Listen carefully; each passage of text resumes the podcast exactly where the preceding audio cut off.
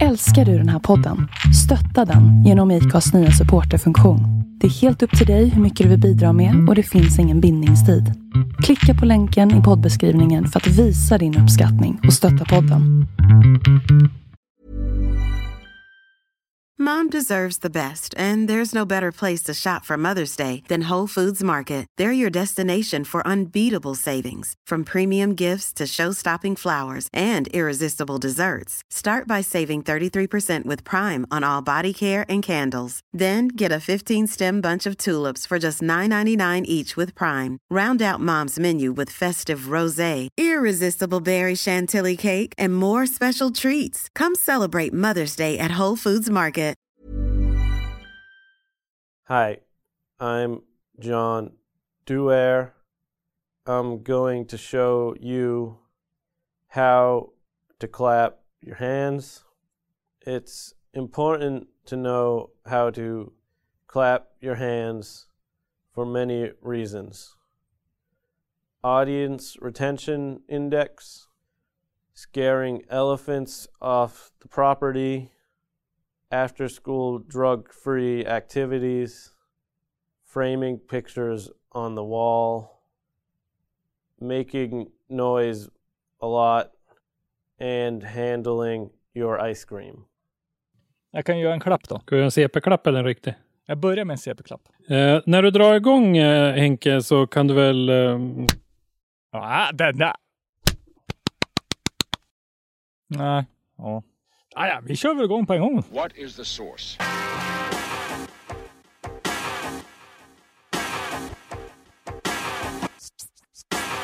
One, two, three, set it!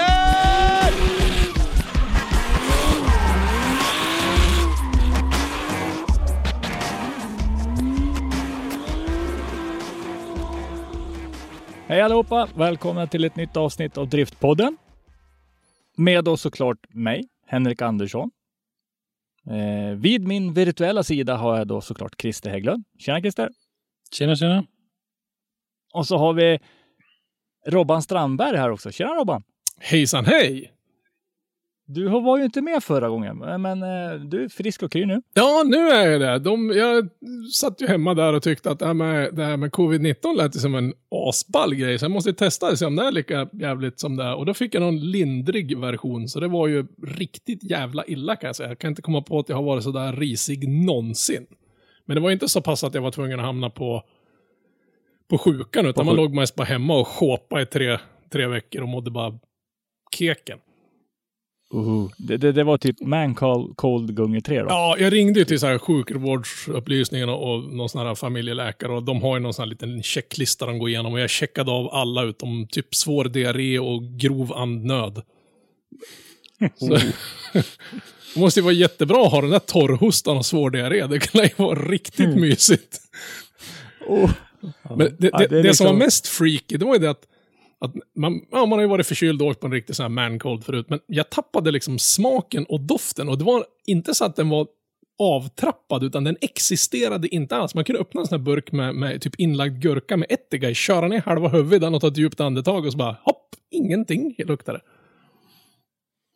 Ypperligt tillfälle för att käka surströmming med andra ord. Nej, det är, nej, Nej, även, Det är ju doften man vill åt. ja, nej, även fast jag är norrlänning då, jag utger mig för att vara norrlänning, så Säg inte att du inte äter surströmming. Men för guds skull, jag kan inte äta någonting som luktar sämre än ett par gamla... Som Men luktar ju värre än Henkes arbetsskor. Det vägrar jag ju äta. Alltså. Ja, Nej. det är, det, alltså, ja, ni som har bevittnat det, det, det, det är ungefär lika ja. Alltså, jag, jag, jag förstår inte på hela den här grejen. Ja, nu vet vi vad vi ska äta på Driftpoddens firmafest. Åh, fy satan! Ja, jag, jag, jag står för klädnypor. ja. Jag, hopp, jag tänkte gå ut och få att någon hostar lite lätt på mig så det blir, blir en sån här relapse. Eh, I alla fall, eh, varmt välkomna. Dagens avsnitt så har vi ingen intervju som vi kommer varva med. Nej. Utan nu får ni alltså stå ut med oss hela tiden. Det är trevligt, eller hur? Ja, vi har mycket vi ska prata om så att det Ja, får vi hoppas går bra. Ja, för, för en Ja, gångs skull ja. har vi ju faktiskt något att, att rapportera, så att säga. Det har ju faktiskt Mm. hänt grejer. Jo, och sen ska vi säga det också kanske att vi, vi gör ett litet försök nu här och, och höja takten lite grann och komma ut med ett avsnitt varje vecka. Känna på det lite grann och se hur det känns att vi kommer med ett intervjuavsnitt en vecka och så ett sånt här snackavsnitt eh, veckan därpå. Och så sen ett intervjuavsnitt igen och så vidare. Så att vi försöker varva lite grann. Vi har ju fått lite reaktioner på att folk tycker om, eh, en del tycker om de här snackavsnitten och en del tycker om eh, att få höra, mestadels förare är ju då intervjuavsnitten. Så att vi, vi försöker Mm. göra alla nöjda och glada. Ja, och sen så när allting väl rullar igång så kommer vi även försöka ha lite kortare inslag eh, på plats.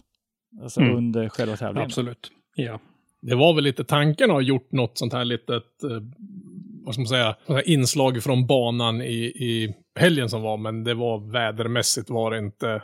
Nej, vi, vi kommer säkert återkomma till det, men det, det, det, det var som det brukar vara när det driftas helt enkelt.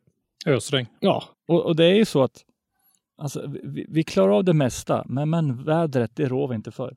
nej, inte än. Nej. Vi får, vi får väl fråga vår, vår husmaskot Kim ifall han kan göra någon liten grej åt det där, för det borde ju han lätt kunna fixa.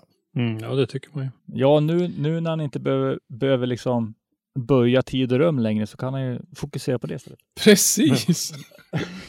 Det kommer säga Nordkoreanska ambassaden, om de nu har någon sån i Sverige, kommer säkert att liksom börja sponsra den här podden när det är färdigt. Eller så stänger de ner oss för, för att Ja, de inte vill Kan, att... kan vara att man, man ser liksom, vad är det för svampmoln utanför fönstret? Ja, nu, måste, nu känner jag att jag måste få tipsa om en, eh, om en podd faktiskt. Eh, en P3-dokumentär som heter Smugglingsskandalen vid Nordkoreanska ambassaden, tror jag den heter. Eh, Oj, Nordkoreanerna fick ju nämligen, ambassaden fick ju nämligen inga pengar från hemlandet att leva på så att säga. Så de levde på att smuggla cigaretter. Ja, ja. Eh, ja, riktigt ro, intressant podd faktiskt. Men det var ett stickspår. ja. Eh, då kan jag passa på att tipsa om förra avsnittet vi hade. Eh, var ju intervju med Kevin Brunberg.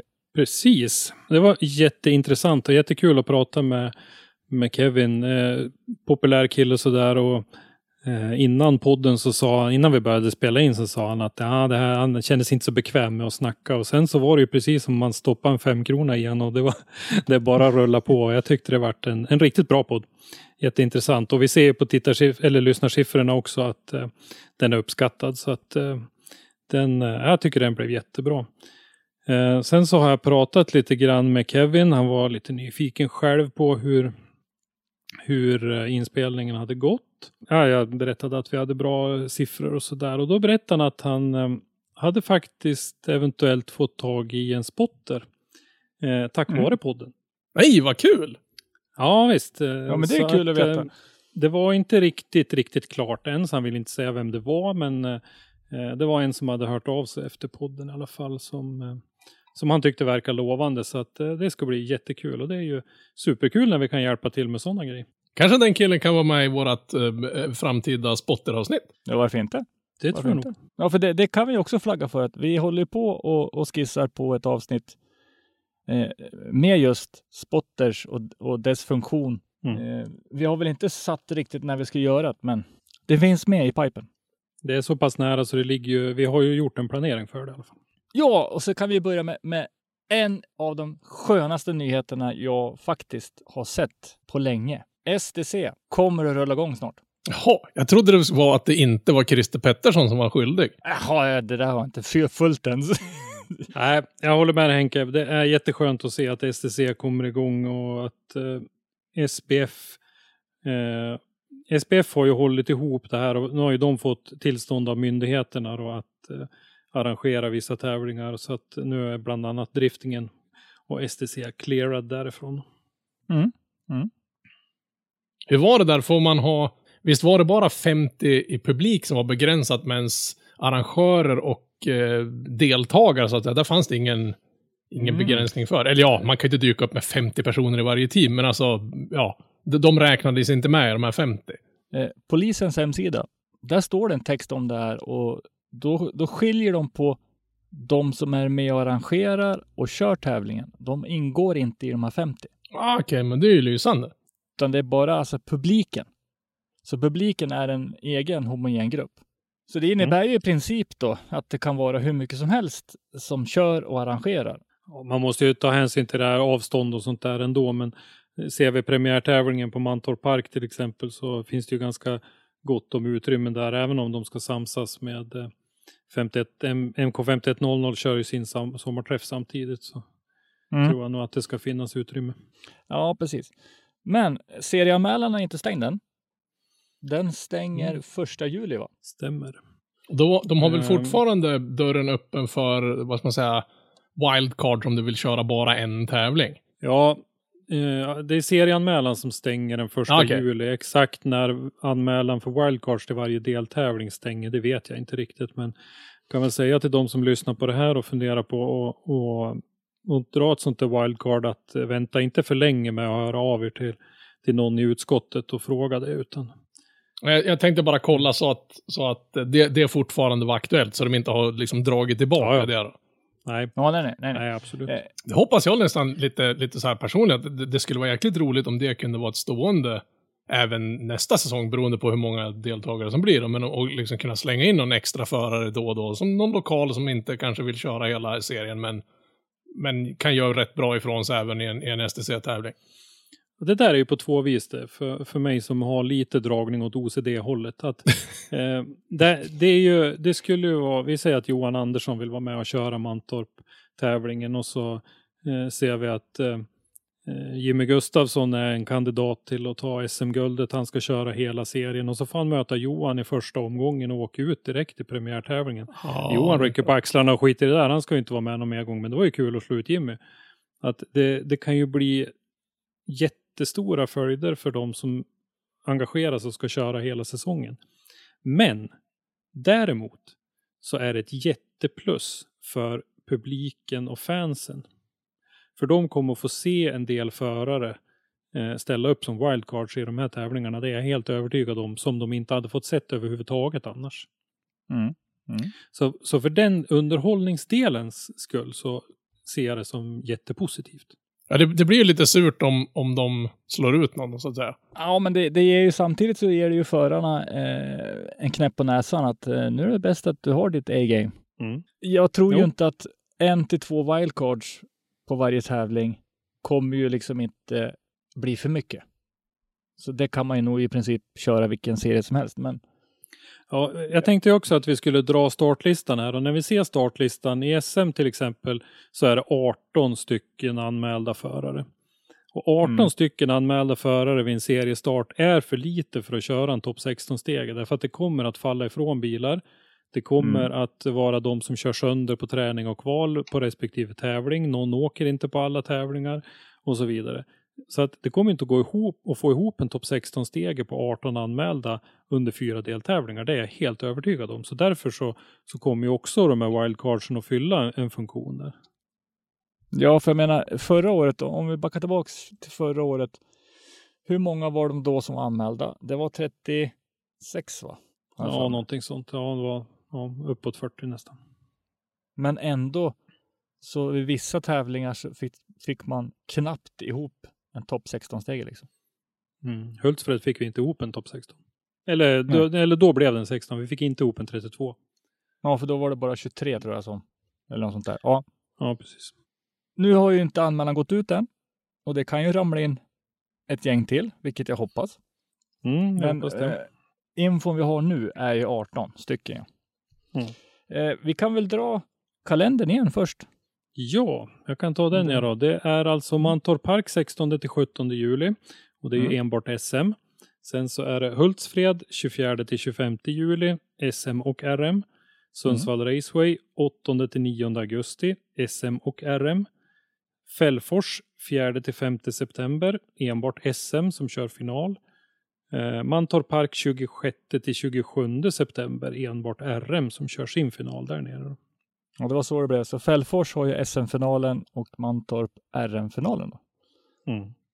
Faran med, med det här med att Fällfors som ligger en bra bit upp i landet, att den har finalen är ju det att det kan ju faktiskt vara så att det är rätt många, om de ser, inser att ah, men jag kan inte vara med och fighta som en topp 10-placering, så då, då skiter de i att lasta och åka helt enkelt. Nej, men vi, eh, vi har diskuterat det där förut. Att det dumma med att ha Sundsvall sist var det vi diskuterade då. Men Då så fick vi till svar från någon som hade varit med längre att det var inget bättre än när Sundsvall låg mitt i serien heller. Det var ingen skillnad. Okej. Nej, och det som är fördelen nu, eller fördelen, det blir ju ett komprimerat schema. Ja, men det blir det ju absolut. Men sen en sak som jag hoppas eh, kan locka lite grann är ju att Fällfors är en ny bana som många av de här SM-förarna aldrig har varit på. Så att de kan vara lite nyfikna på att åka dit och, och se hur det ser ut. Det är en ny anläggning som det är mycket buzz, mycket snack om, liksom, så att man är nyfiken på att komma dit och titta. Ja, det kanske inte bara är jag som är alldeles till med byxorna så fort jag ser Fällfors och drifting i samma kombination. Och Nej. sen så är det en, en ny anläggning som förhoppningsvis kommer vara med ett tag. Ja, vi hoppas det. Startlistan då? Jag kan börja. Eh, Simon Andersson från Finspång MS. Fredrik Persson, Örebro Racing Club. Erik Kadikis, Svedala MK. Martin Freid, Hultsfreds Motorklubb. Jimmy Gustafsson från Piteå MS. Han har väl ganska nära till Fällfors? Vad är det? 20-talet mil kanske? Nej, det är inte det ens en gång. Det ligger mittemellan Piteå och Skellefteå, så det är ganska nära. Aha. Ja, du ser. Dennis Andersson, Osby MK. Jimmy Karlsson, Hamre MK. Johan Ingvaldsson, Hultsfreds MK. Herman Jansson, SHR och Övik. Jocke Andersson, Hamre MK. Henrik Åkesson, Volvo MK. Viktor Andersson, Växjö MS. Mattias Bengtsson, MK Öresund. Erik Kagg, Skellefteå MS. Felix Lindvall, Älmhults motorklubb. Andreas Staberg, Hamre MK. John Martinsson, SHRA Sundsvall. Och Pontus Furbring, Hultsfreds MK. Det är några, några namnkunniga. Mm. Rätt mycket Nissan-bilar när man liksom sitter och kollar här i listan. Det är BMW, Nissan och så har det stuckit in någon enstaka, en stackars liten Toyota och så är det några Volvo-bilar där. Sen det är liksom, that's it. Ja, det är bara två Volvo-bilar. Ja, men precis. En, en 740 och en 945. Ja, det, ja, men det ska bli intressant att se för att alla de här har ju faktiskt en chans. Skulle jag säga. Ja, det finns ju namnkunnigt folk här, till exempel eh, Mattias Bengtsson, gammal RM-mästare. Felix Lindvall hade ju en fantastisk avslutning på förra säsongen, vann ju de två senare deltävlingarna. Eh, Pontus Furbring var ju tänkt köra nästdrift, eh, men eh, att han är med här nu då kanske indikerar att han är tveksam om nästdrift kommer att bli av överhuvudtaget. Mm. Eh. Felix Lindvall, eh, också en duktig kille. Eh, Jocke Andersson likaså. Riktig vinnarskalle. Eh, Också RM-mästare. Ja. Och så har vi då Andreas Staberg som körde väldigt bra på Iron Drift. Heller inte glömma Herman i sin nybyggda kärra. De gånger vi har sett han köra nu har det sett riktigt bra. Han verkar trivas fruktansvärt bra i den här bilen. Och med tanke på att han var väl inte direkt helt upptrollad på läktaren förra säsongen så, så nej, jag tror han kommer bli riktigt eh, farlig i år faktiskt. Ja, vi har ju många här som Alltså, man hör inte så mycket om dem, men när de väl sen sitter i bilen, det är då man märker, oj, oj, oj. Jag skulle inte vilja stoppa ut huvudet eller sticka ut hakan och säga att den där killen tror jag kommer vinna. Det, alltså det, det, det. Nej, vi har, vi, har, vi har fler stycken här som Ja, ja, mycket väl menar, kan. Det är liksom ett, ett fält, men ingen av de här grabbarna ställer upp SM och liksom säger ah, men det är roligt att vara med. Jag ju svårt att tro att man satsar den, gör den satsningen bara för att det är kul att köra drifting. Jag tror att alla de här grabbarna, de vill ju innerst inne, jag menar, alla vill vinna SM, punkt slut. Och jag tror att många av de här har en väldigt, väldigt realistisk chans att lyckas med det. Men det, det är ju som sagt var, det, det är liksom så här en liten chansspel hela det här också. Jag menar, som säsongen såg ut i fjol, så då var det ju liksom regnbana hela tiden och det liksom ändrar ju förutsättningarna ganska drastiskt för alla. Ja, ja, det var ju per sekund liksom. 18 tappra i SM som vi vet om nu. Vi hoppas ju självklart på fler, men det är infon vi har idag. RM däremot, där är det lite fler va? Ja, det är några till. Hur många har vi där? 22. Ja, det var några till i alla fall. Ska vi dra dem också? Då börjar vi med eh, Filip Navrocki, Hultsfreds MK. Mm. Tobias Inkerö, Falköping NK. Rafael Akbari, Hultsfreds MK. Niklas Andersson, Örebro Racing Club. Anton Rengel, Växjö MK. Albert Eriksson, Hamre MK. Kim Pönninen, Hamre MK. Tim Lindström, MK Rimo. Teddy Klang, Hultsfreds MK. Balder Pulsar, Rodden Custom RC. Johannes Rydberg, Hultsfreds MK. Niklas Hall, Hultsfreds MK. Filip Josefsson, Hamre MK. John Hellström, SHRA Sundsvall. Filip Werner, Huddinge MK. Kristoffer Norling, Rättvig RC. Johan Jalkelid, SMK Trollhättan. Robert Åhäll, MK 5100. Hampus Gisslén, SHR Sundsvall. Jim Nordqvist, Mittsverige MK. Jonas Larsson, Vännäs MK. Och slutligen Daniel Enarsson, Films MK. Mm. Ja, här fanns det också lite grann. Vi har ju då ja, Jim Nordqvist såklart. Även Jonas Larsson är ju ganska rutinerad, kört RM flera år, körde Sverigecupen förra året, placerade sig bra där. Daniel Enarsson, kört också RM tidigare. Eh, Niklas Nisse Andersson, Volvo V70, körde RM också för några år sedan. Eh, Ja, en som vi redan har sett en hel del av är ju Johan Jalkelid i sin Volvo C70. Var och kört på ett par eh, träningskörningar nu med, med riktigt duktigt folk omkring sig. Mm. Det känns ju som RM är betydligt mycket öppnare. Alltså det är många som kan kliva fram i SM, absolut. Men eh, i, i det här gänget så känns det ju ändå som man har ett eh, rätt dålig koll. Det är många förare som är helt nya för mig. Mm. Jo, alltså det är väldigt få som, som jag sett. Däremot så är det väldigt bra spritt över hela Sverige tycker jag. Du har ett Mm. gäng upp, eh, uppe i norr, du har ett gäng i mitten och du har ett gäng lite längre ner. Ja, det, det ska bli jäkligt roligt. Jag, jag ser fram emot faktiskt att kika på RMet i år. Eh, det, det gör jag också. Vi, har ju, vi får ju se det på åtminstone tre av deltävlingarna så kommer de ju att köra tillsammans så att vi får se. Nej, två tillsammans blir det va? Är det inte... Hultsfred och Sundsvall. Ja visst ja, det, ja de, de är inte med upp till Fällfors nu. Nej, utan det är ju Hultsfred, Sundsvall och sen Mantorp då. Eh, alltså som RM kör. Eh, däremot så är det ju bra ju mer RM kan vara med och titta på stora klassen. Är man lite nyare i gamet så får du alltid tips och idéer och andra synvinklar på hur, hur de väljer linjer och så vidare. Sen är det ju återigen det här som vi har pratat om med flera av förarna. Att rodda ihop en tävlingssatsning är inte bara att köra bil. Nej. Nej, men det är allting ifrån vad ska du ha med dig i form av reservdelar? Hur ska du leva när du är på banan? Eh, liksom, det är så otroligt mycket runt omkring allting så att jag tror att RM-förarna som är ganska nya inom tävlingsdriftingen, många av dem, de kan få jättemycket bra uppslag av att titta på hur ett välorganiserat och, och snyggt SM-team fungerar. Men bara en sån sak som liksom, vem, vem fixar käket medan de andra grabbarna och tjejerna håller på att skruva bil och, och rodda med det och liksom, jag menar, man måste ha Äta liksom måste en, man. Ja men just, man måste ju ha en markservice runt omkring, en fungerande delar och, och de är ju liksom minst lika, ärligt talat nästan viktigare, för jag menar, har du inte det flödet runt omkring dig, då spelar det ingen roll hur duktig du är och hur bra bil du har, för jag menar, har du inte förutsättningarna in i depån och liksom på sidan av banan, då, då är det ju rökt. Ja, för det kan ju vara så att eh, du, du smackar in i muren sista sekunden på träningen, sista varvet. Då har du inte mycket tid för att kunna fixa bilen till kvalet. Nej, då, då gäller det att ha liksom en, ett, ett team som vet vad de håller på med där och kan rycka in på en gång. Ja, för då funkar det inte som förare till exempel åka in och, nej men jag ska ställa mig och brassa käk jag då.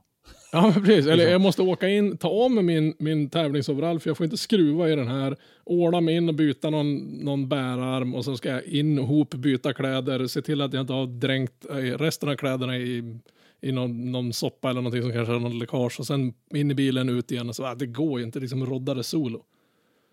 Det här, det här, är, en Nej, nej. lag, det här är en lagsport som, som all annan motorsport egentligen. Ja, ja, absolut.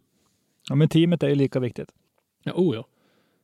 Själva bilen och körningen är ju en, egentligen en väldigt liten del av tävlingshelgen.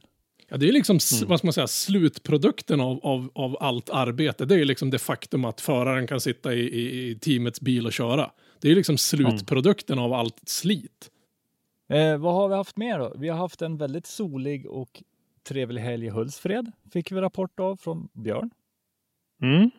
Björn Billsten var på plats där när Hultsfred Drift Track körde sina Drift Days och det var ju då publikfritt naturligtvis också. En eh, Mm. lördag och en söndag. Eh, gott om förare var det. Mest på lördagen men det var även en hel del på söndagen och det var då som vi hade folk på plats. Eh, Björn var där och eh, Amanda, eh, vår skrivande reporter, var med också och även eh, redaktör Lindgren var faktiskt på plats där och Ja, plåtade det, lite ja. grann. Eh, och sen körde de ju lite livestream också därifrån med direktsändning från en drönare bland annat som de testade på lite grann. Och det, det var ett, ett roligt experiment. Visst är det, vad heter de, Indrone Production eller vad de heter som gjorde det? Ja, det var det nog. Ja. Ja, det behövs ju. Mm. Just drönaren verkar ju vara en grej som förut var en häftig grej, men det har ju mer eller mindre blivit liksom en lite grann standard. Ja, jag tyckte det där försöket som man gjorde där eh, var sådär bra, tycker jag. Eh, men jag tycker inte att det hade så mycket med, med varken drönarföraren eller produktionen att göra, utan det var det faktum att det är en frikörning. Eh, Ja. Det är svårt för drönarföraren att följa frikörande bilar med otroligt varierande fart och kvalitet på, på förarna. Det var flera Ja, det gånger blir- man ja. såg att han hade flytt i, i flygningen och följde med och så tvärsnurrade bilen eller han fick stopp eller missade en växel eller någonting och så flög han förbi och tvärvände och sådär. Och, eh, ett par gånger så tvekade han vilken bil han skulle följa och sådär. Och, och det är ju sånt där som man slipper helt och hållet i, i ett tävlingssammanhang. Så att jag tror att eh, den där typen av, eh, av eh, filmning eh, lämpar sig bättre för tävlingsdrifting än för frikörning och det var ju ett experiment också. Ja, alltså i tävlingen, då har du ju körschemat. Ja, du vet ju, precis. här kommer det två bilar som ska tvinna och så vidare. Och så bestämmer man det, att man följer leadbilen. Ja, Det är ju det är samma sak när vi kör våra, våra livestreams också. Att eh, om lead och chasebil kommer för långt ifrån varandra så följer vi leadbilen. De som var där då fick, fick en liten försmak av Tobias Inkerö. Om ni kommer ihåg så nämnde vi hans namn under RM-startlistan. Mm. Han eh, var med där och bjöd på många fina repor och körde riktigt inspirerande. Vilket låter väldigt lo- lovande. Så var det och eh, han är väl en av dem som kanske kommer att få lite press på sig i RM här för att det ser riktigt lovande ut. Hade vi någon annan eh, rutinerad förare? Ja, Tobias Olofsson, T-Parts Tobbe var ju där och körde lite grann bland annat och sen var ju Mm. Felix Lindvall och hans eh, teamkompis och lite sånt där. Så att det var, det var en hel del bra förare på plats där i Hultsfred och de har ju eh, ryckt upp banan lite grann, området runt omkring och sådär. Eh, röjt och grejat lite grann där så att det var väldigt snyggt och prydligt har Björn berättat för oss. Och sen så har vi Tobias Olofsson hade ju en ny fräck livery, hörde vi. Mm. Ja, Ja, den är riktigt snygg. Den har jag sett på bild lite grann. Den Ja. ser jättebra ut faktiskt. Men sen också Felix Lindvall verkar ha satt ihop ett väldigt schysst så att säga, team. Har väl inte hört så mycket om det där, men vi, vi jobbar väl på saken och snackar lite grann med Felix om det där så får vi se Mm. och höra lite grann. De är ju tre stycken bilar som har liknande liveries nu så får vi höra lite mer om, om eh, vad, vad den där satsningen innebär. Mm, precis. Sen har vi körning med instruktörer på Mittsverigebanan som var i helgen. Va? Mm. Precis, eh, Robban och jag var där. Hur gick det? Ja, det, det, var, det var ju lysande i början där. Då var det ju till och med lite däckrök och sen så, vad kan det vara, en timme in eller vad var det? Det kanske var mindre än det va? Ja, det var tre kvart, 50 Ja. minuter någonting, då började regnet att komma. Ja, då var det riktigt, riktigt blött och det, det var ju rätt många som, som var där som aldrig hade, alltså, som bokstavligt talat skulle lära sig drifting och de hade det ju lite kämpigt när det var torrt och sen när det regnade då var det ju liksom backwards entry och, och eh, även samma vinkel ut ur alla kurvor och så här. Så det, det var, äh, de, de, hade, de slet hårt grabbarna som var där. Nej, men tanken från eh, arrangören då var ju att eh, Jim Nordqvist och Herman Jansson skulle coacha lite grann. Eh, och eh, efter förarmötet med banchefen då så tog Jim och Herman och snackade lite grann med dem som ville ha lite coaching och sådär.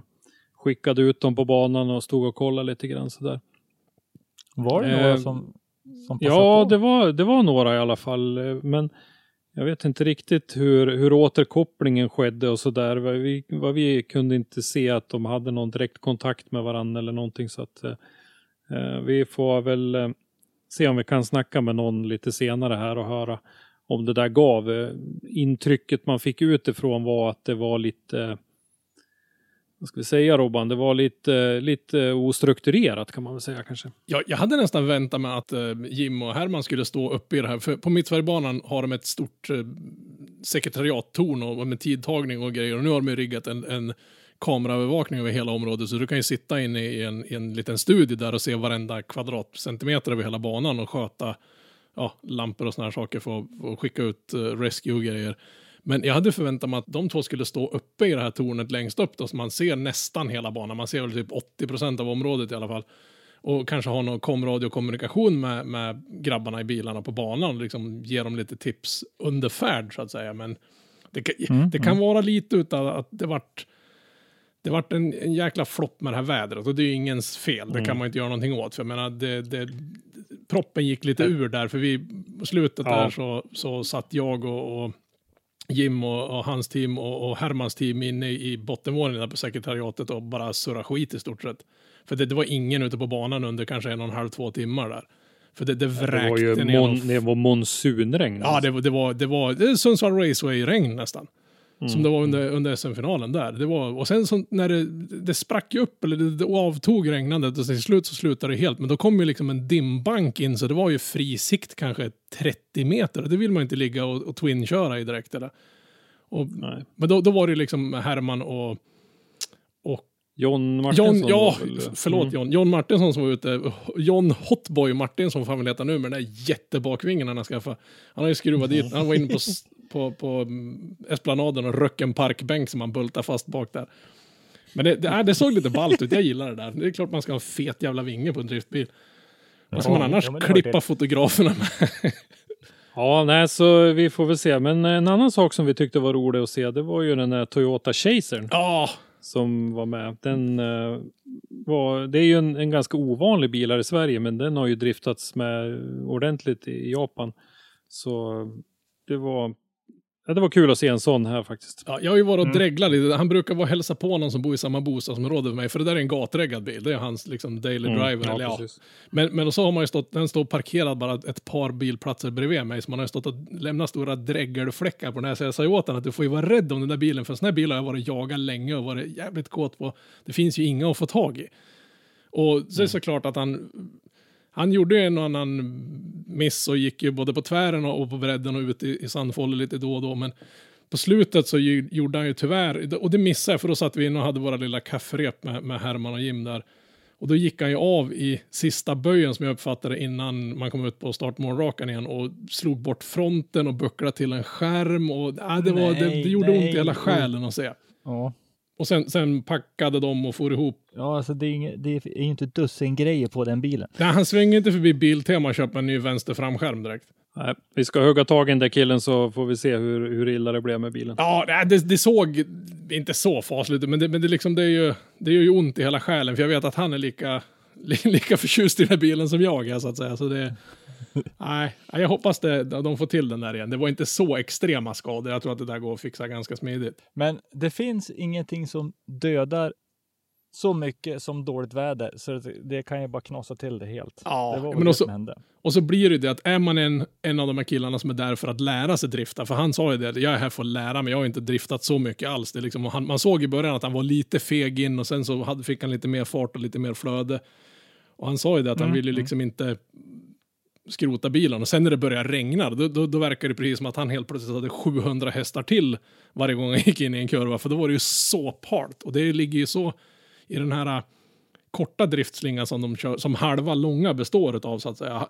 Den långa driftslingan är ju hela banracingbanan så att säga, medan den korta den viker ju höger efter startmål istället för vänster. Och den, det är ju så otroligt mycket gummi där så när det börjar regna på där, det, det har ju ingenstans att ta vägen. Jag menar, eh, när det ösregnar ner, då kan man ju till och med drifta ordentligt med en moppebil. Men eh, jag tänkte på det, eh, Jims goda hörsel.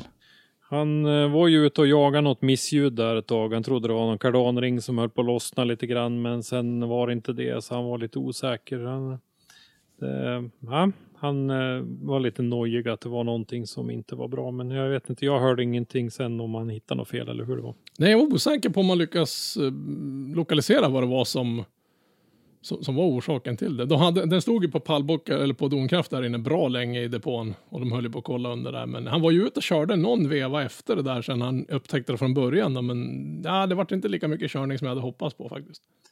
Nej, det är klart. eh, Har man begränsad budget och sådär så är, det, ju- är man ju försiktig för man vill ju hellre se vad det är för fel och åtgärda det än att fortsätta att gasa tills det rasar. Ja, man åker ju inte på, på en sån här litet eventgrej och liksom satsa bilen. Mm, ja, precis. Eh, Så- Och sen är det det att om du först och främst lyckas höra när du sitter i bilen. Jag hör ju inte ens om jag sitter utan hjälm i min vanliga personbil och åker. Så, jag menar, eh, så hör man ett missljud så vill man ju åtminstone kolla, kan jag fixat? Då så, ska vi lämna Sverige en stund? Eh, så tänkte vi gå in på NDC, eller säga Norwegian Drift Championship. Mm. Där inte mindre än fem danska förare har anmält sig. Precis, eh, man kan väl koppla ihop det lite grann med att eh, NDS då, det är mycket förkortningar här, men Nordic Drift Series, den här serien som mestadels gick i Danmark förra året, gick ju en deltävling även på Sturup i Skåne. Mm. Eh, när den blev inställd då så um, på grund av den här osäkerheten eh, som följer pandemin så var det väl några förare som kände att de var lite motiverade att köra serie så att eh, nu har de anmält sig till den norska serien och det Mm. är Jannik Rasmussen, Kasper Kristensen, Mads Andreasen, Thomas Lund Riedel och Mikkel Overgard. Overgaard är han som kör DMEC, eller Drift Masters European Championship. Ja, precis. Kan man tolka det som att han kanske in, inte väljer att satsa på DMEC i år eller att han är osäker på om det kommer bli någon DMEC, eller vadå? Jag har faktiskt ingen aning om han hade tänkt att köra DMEC eh, om det hade blivit ett vanligt år så att säga, men eh, det kan ju vara så. Eh, en sak som är värt att påpeka här, även fast då de här danskarna kommer in och kör Norges mästerskap, så är licens och wildcard till Drift Masters är förbehållt för de norska tävlande. Ja, precis. Det är ju den som blir norsk mästare. Det har ju egentligen inget med serien att göra, utan det är- det är kopplat till den norska mästerskapstiteln. Och det är ju Ja. bara en, en, förare, en norsk förare, en förare med norsk licens som kan vinna den. Så det innebär att du kan alltså komma tvåa fast ändå vinna mycket. Och eh, för de här danskarna då så kan man väl tänka sig att det är en fördel eh, nu när NDC har släppt sitt eh, alternativa schema, eller så att säga sitt ändrade schema, att man kör ju en tävlingshelg och sen så kör man ju två tävlingar på fyra dagar i Lillesand. Mm. Och eh, Lillesand ligger ju nära Kristiansand och dit finns det ju färjeförbindelse från Danmark så att det är ju väldigt nära över om vi jämför med de här som ska åka från Hultsfred och Osby till eh, Fällfors till exempel så är ju eh, bil och båtresa till mellan eh, Danmark och, och Kristiansand är ju ingenting. Så, och så dessutom så klämmer de av två tävlingar på, på samma tillfälle. Så att det, det förstår man ju att det blir ju ekonomiskt väldigt fördelaktigt för danskarna att vara med i den här serien nu. Ja, väldigt. Eh, Jag drog mig till minnes nu att, säg då, hur långt kan det vara ifrån Skåne upp till Fällfors? 100 mil? Eh, jag skulle tänka mig från eh, eh, Osby är väl den som jag kan komma ihåg har längst att åka. Det är Dennis Andersson. Och jag skulle nog kunna gissa på att han har 120 ja, kanske. Tänker då, han åker till Fällfors, tävlar där och säger att han ska till Iron Drift. Han kommer ju få åka hur många mil som helst, för det ligger väl i närheten. Alltså eh, datummässigt. Jag tänkte säga, ska, ska de köra Iron Riff i närheten av Fällfors? Fan vad ballt. Eller i närheten av Osby. Ja, ja, Nej men eh, vi kan säga det först. 132 mil, så jag var lite ofta. Men eh, eh, som sagt, eh, ska man ner dit då, då kommer det att bli långt. För det är väl, ja hur vart det nu då? Var det helgen efter Fällfors tror jag va? Ja. Då lär du först åka upp 130 mil dit och sen 130 mil hem och sen åka typ 130 mil åt andra hållet. För det är väl ungefär så. Från Fällfors ner till Ferropolis är det 334 mil. Det det vill säga enkel resa är det 38 timmar han ska åka. Ja, alltså jag avundas inte de som ska göra det. Eh, Jag vet inte vilka som ska det, men ja. Det är lite drygt. Ja, men du var ju nere dit tänker förra året och du körde ju ganska mycket. Du blev ju till och med porträttfotograferad i Tyskland. Du fick ju, ett eh, Stefan fick ju en just ja. jättefin bild på dig från Tyskland där som var tagen Ja. efter vägen. Ah, de hade en sån här här- selfiepinne där. Ja, han hade en jättestor selfiepinne vid vägen där. IR-kamera, så ser man kepsen och så ser man jag sitta där med ratten. Mm. Så du har inte på dig din Trump-mask när du kör någonstans alltså? Nej, jag ska nog börja med det tror jag. Ja. Men det var Eh, billigt. Ja, faktiskt. Det, vad, var, vad var det? Det var 30, euro. euro. Ja. Ja. Stefan sa att det kostade 300. Då sa jag oj, Men- euro? I- Nej, kronor. I Tyskland? Ja. Ja. Oj! Det gick inte så jättemycket över Nej, det gjorde det naturligtvis inte. Eh, och det var byggområde där, så att, eh, men det var mitt i natten nästan. Eh, vi hade avslutat tävlingen och packat ihop allting och börjat åka tillbaks. Vi skulle parka utanför en sån här butik, handla tullfritt. Och vi skulle sova där först. Så vi åkte på natten dit. Det enda jag kommer ihåg utav det är att det blixtrade rött. Så jag bara, "Ja, rött? Det kan inte vara någon fartkamera. Så, så du var den enda av oss som, som faktiskt fick en fortkörningsbot under fjolsäsongen alltså? Är det det du sitter och säger? Ja, jag tror det. Du måste lära dig köra lagligt Henke, du får inte hålla på och köra för fort. Men look who's talking. precis, jag tänkte precis säga det. Du, jag fick inte Ja. en, i, i samband med, med, med, med, med drifting, fick jag inte en enda fortkörningsbot i fjol.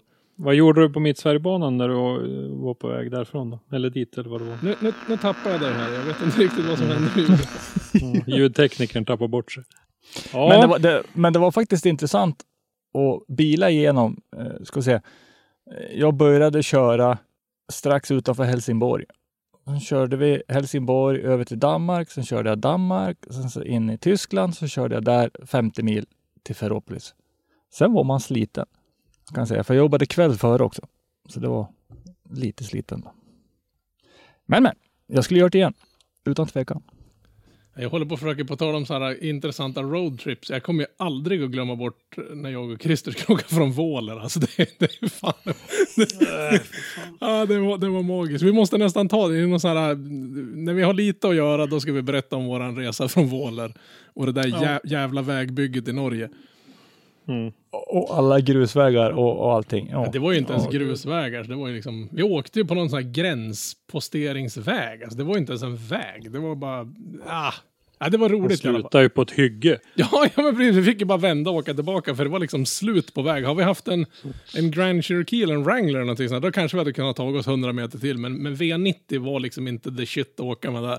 Här, här uppe i Norrland kallar vi sånt där för basväg. Ja, ja, ja men det, det är ju så här Europaväg 4 liksom, genom Sundsvall, ser lite ut sådär.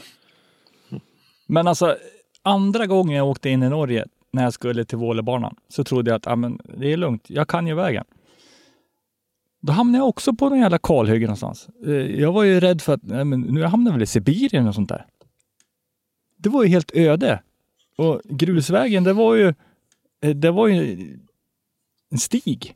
Men det, det sjuka var att de hade gjort sådana här klassiska omrouting på grund av att jag vet att någon skulle reparera någon, någon bro som vi kom på när vi åkte ner dit på torsdagen. Och när vi skulle åka hem på söndagen så var det så här, ah, ni måste åka den här vägen istället. Tänkte jag, ja, ja men där är väl en liten loop på typ en mil kanske så här då. Men efter så här en och en halv timme och vägarna vart bara smalare och smalare och smalare och vi följde de här jävla pilarna hela tiden. Det var inte så att vi tänkte bara, äh, men här svänger vi höger istället. På slutet då var det, då gav vi upp. Då tyckte vi bara, ah, fuck it. Vi, gick vi efter GPSen, kolla vart är svenska gränsen och så siktade vi på den i stort sett bara. Vi måste ta oss ur det här jävla godforsaken country. Men man hörde liksom banjo-musiken bara tona upp i bakgrunden eller vad de nu spelade nere. Så det var ju liksom bara fly Outback tillbaka. där Ja, men det liksom. var ju bara fly tillbaka till Sverige. Jag, jag visste inte att det fanns sån där vildmark så långt ner, i, långt söderut i, i våra länder. Jag trodde det bara var här uppe hos oss som man åkte typ, ja, sidan av Fällfors där uppe. Där, där är det vackert och fint. Men jag, jag trodde liksom det bara fanns sånt där. Men äh, det här var ju... Och sen en lång bit av det här när man kollar på GPSen, då var vi och körde exakt på svensk-norska gränsen. Och det, det där klassas ju fan inte som bilväg. Alltså. Men det var ju roligt. Vi var ju inte i Sverige och åkte över till Norge och sen åkte vi i, från Norge och över till Sverige utan vi var ju i bägge länderna minst fyra, Ja, fem ja, gånger. ja men det, det var ju, jag, jag var i Norge ett tag och du var i Sverige ett tag när vi åkte liksom norrut på den här gränsen. Det var ju bara, Mm. det, det var, till slut, alltså man, jag vet inte hur många, vi var säkert tre, fyra plus timmar sen tack vare den här grejen som vi försökte hämta igen på vägen hem. Då, men men Mm. ja, ja, det var roligt, det var intressant. Det var ju första besöket på Vålerbanan, men jag tänker nog hålla mig till asfalt på vägen hem nästa gång också faktiskt. Mm. Ett tips om ni åker till Våler. Åk inte nattetid eller tidig morgon. Har aldrig sett så mycket djur stå och vara helt oförskämt ointresserade av att jag kommer där med bilen. Det var rådjur, det var älgar och eh, järvar eller vad de heter, eller grävlingar. Och så kommer runt hörnet, eh, runt kurvan i, i laglig hastighet ska tilläggas. Trött som en gnu. Och så ser man en stor älg som står mitt på vägen och tuggar gräs liksom. Och han bara tittar på henne och så bara, du får ju köra runt mig. liksom. Men bara okej. Eh, håller till stora fler, vägar. var det någon fler som såg den där? Älgen? Ja. Nej, det var bara jag. Så det kanske Ja, var min det- trötthet som... Du kanske borde ha stannat och sovit där ett tag. Mm, ja. The Black Nej, Dog, men- eller vad heter den där filmen med Patrick Swayze? Man, man ser The Black Dog, då håller man på att köra åt helvete. Nej, fast, nej. För, för kurvan efter så var det ett rådjur. Och kurvan efter det så var det ett annat rådjur. Så att, ja. Det, det är ju det som är faran när man kör de här tiderna på dygnet. Ja, man ja. får ju liksom Ja, titta det det. nästan mer i skogsbrynet än vad man får titta på väg. Many of us have those stubborn pounds that seem impossible to lose, no matter how good we eat or how hard we work out. My solution is PlushCare. PlushCare is a leading telehealth provider with doctors who are there for you day and night to partner with you in your weight loss journey. They can prescribe FDA-approved weight loss medications like Wagovi and Zepbound for those who qualify. Plus, they accept most insurance plans. To get started, visit plushcare.com slash weight loss. That's plushcare.com slash weight loss. Mom deserves the best, and there's no better place to shop for Mother's Day than Whole Foods Market. They're your destination for unbeatable savings, from premium gifts to show-stopping flowers and irresistible desserts. Start by saving 33% with Prime on all body care and candles. Then get a 15-stem bunch of tulips for just $9.99 each with Prime. Round out Mom's menu with festive rosé, irresistible berry chantilly cake, and more special treats. Come celebrate Mother's Day at Whole Foods Market. Men den stora frågan öppnar sig. Kommer vi få en Europasäsong eller inte? Närmar sig den? Eller är det helt kört? Ja, jag har ju varit väldigt skeptisk. Eh, Mm, jag är det fortfarande för jag har liksom inte... Nej, folk brukar ju- kalla mig för skeptiker sådär, men eh, jag, jag har ju sett det som att det måste bli väldigt svårt att, att synka ihop alla eh, regler, f- genomreseregler och så vidare i alla de här länderna som är påverkade av det här. Och tittar vi nu då på hur planen ligger och hur reglerna, det är ju Storbritannien, det är ju England, eh, Teesside Autodrome som är först.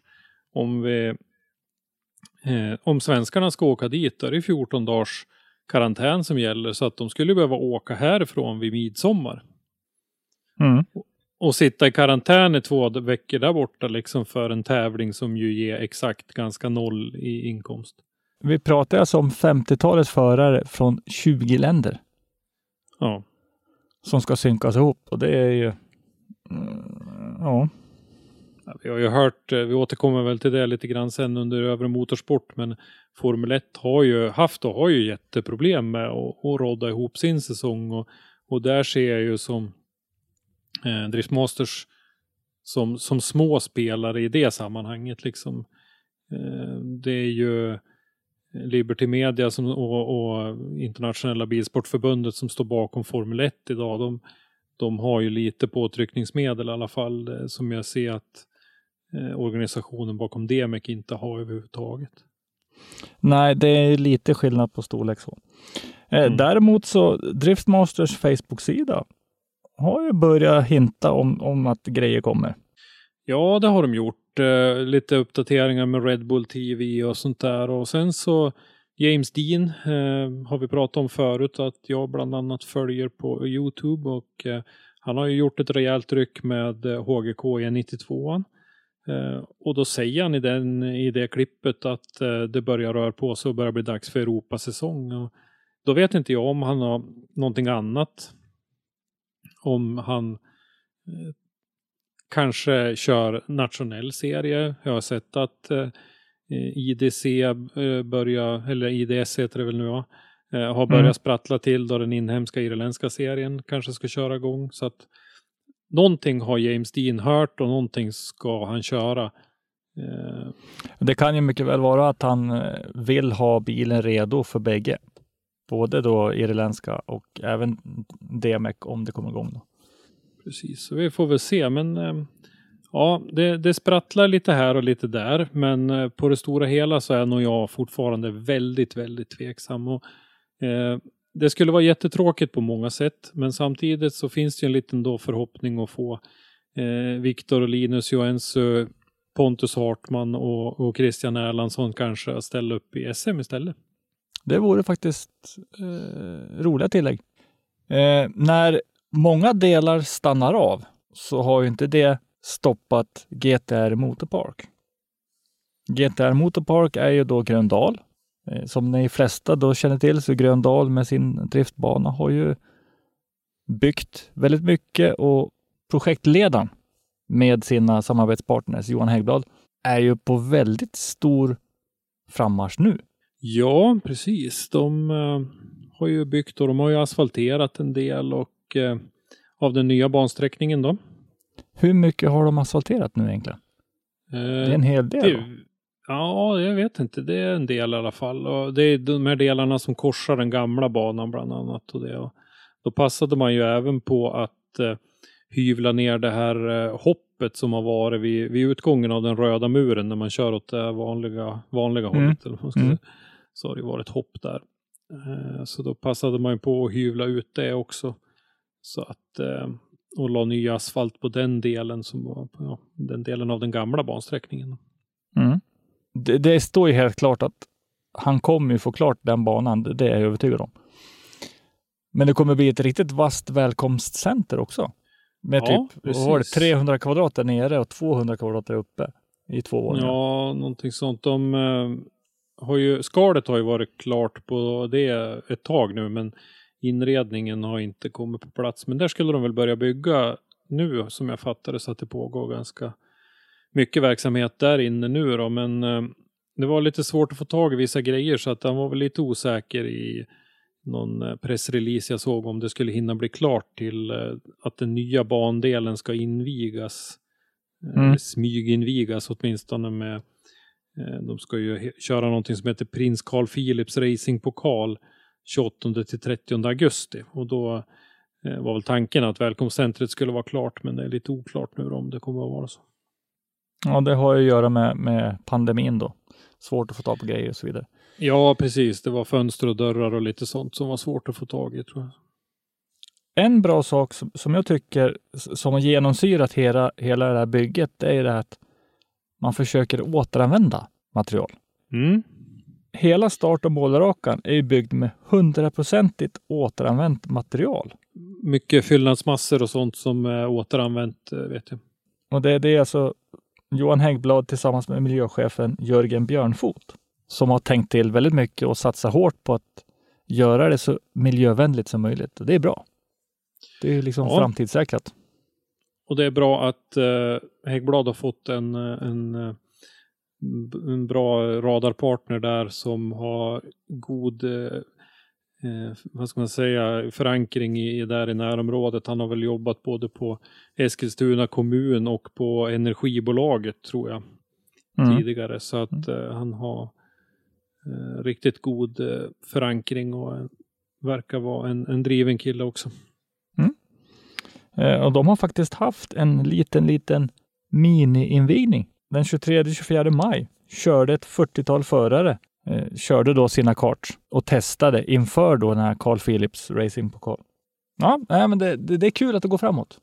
Jag hoppas ju att den här satsningen inte gör att banan glider från driftingen. Det, det har vi i och för sig inte hört någonting om. Men Nej, nu är det ju lite så här, är glaset halvfullt eller halvtomt? Vi har inte hört någonting om någon drifting. vi har inte Nej. hört någonting om att det inte ska bli av, men vi har å andra sidan inte hört att det ska bli någon driftingverksamhet heller. Så vi får väl se, men vi får väl hoppas att det finns eh, plats och utrymme även i fortsättningen för drifting på Gröndal. ja, det är ju Sveriges Ebitsu, sa de ju förut. Vad har vi mer då? SPFs förbundsmöte flyttat än en gång. Ja, vi har berättat om att det var flyttat en gång, men nu har de ju flyttat fram det ytterligare nu då. Det skulle ju ha gått den 14 juni. Mm. Alltså typ eh, nu i veckan här. Men eh, nu har man flyttat fram det ytterligare då till 5-6 september och eh, det ska då bero på Folkhälsomyndighetens riktlinjer om resor och samlingar.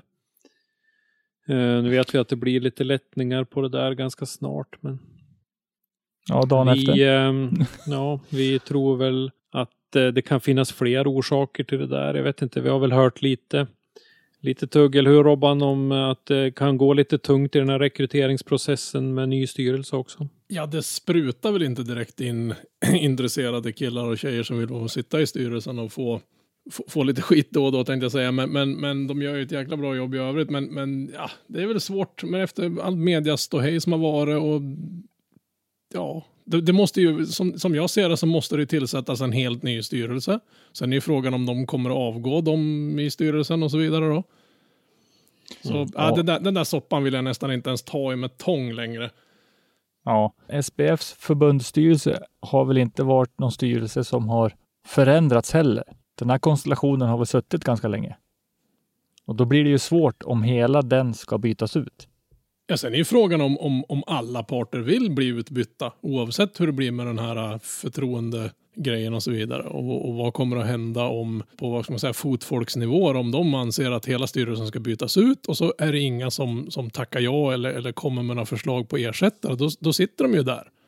Så Mm. menar, ska man, ska man kritisera och tycka att de där människorna gör fel, då ska man ju kunna dels komma med någon konstruktiv kritik, alternativt kunna kliva in och axla den rollen själv och liksom ta Ja. över det ansvaret. Och det är inte, det är inte ett, ett, ett eh, bara pilla lite med, med det är roligt med motorsport, kolla jag sitter med SPF-styrelsen någon, någon kväll i veckan, utan det där är nog ett bra jäkla hårt slit att få det där att rodda runt.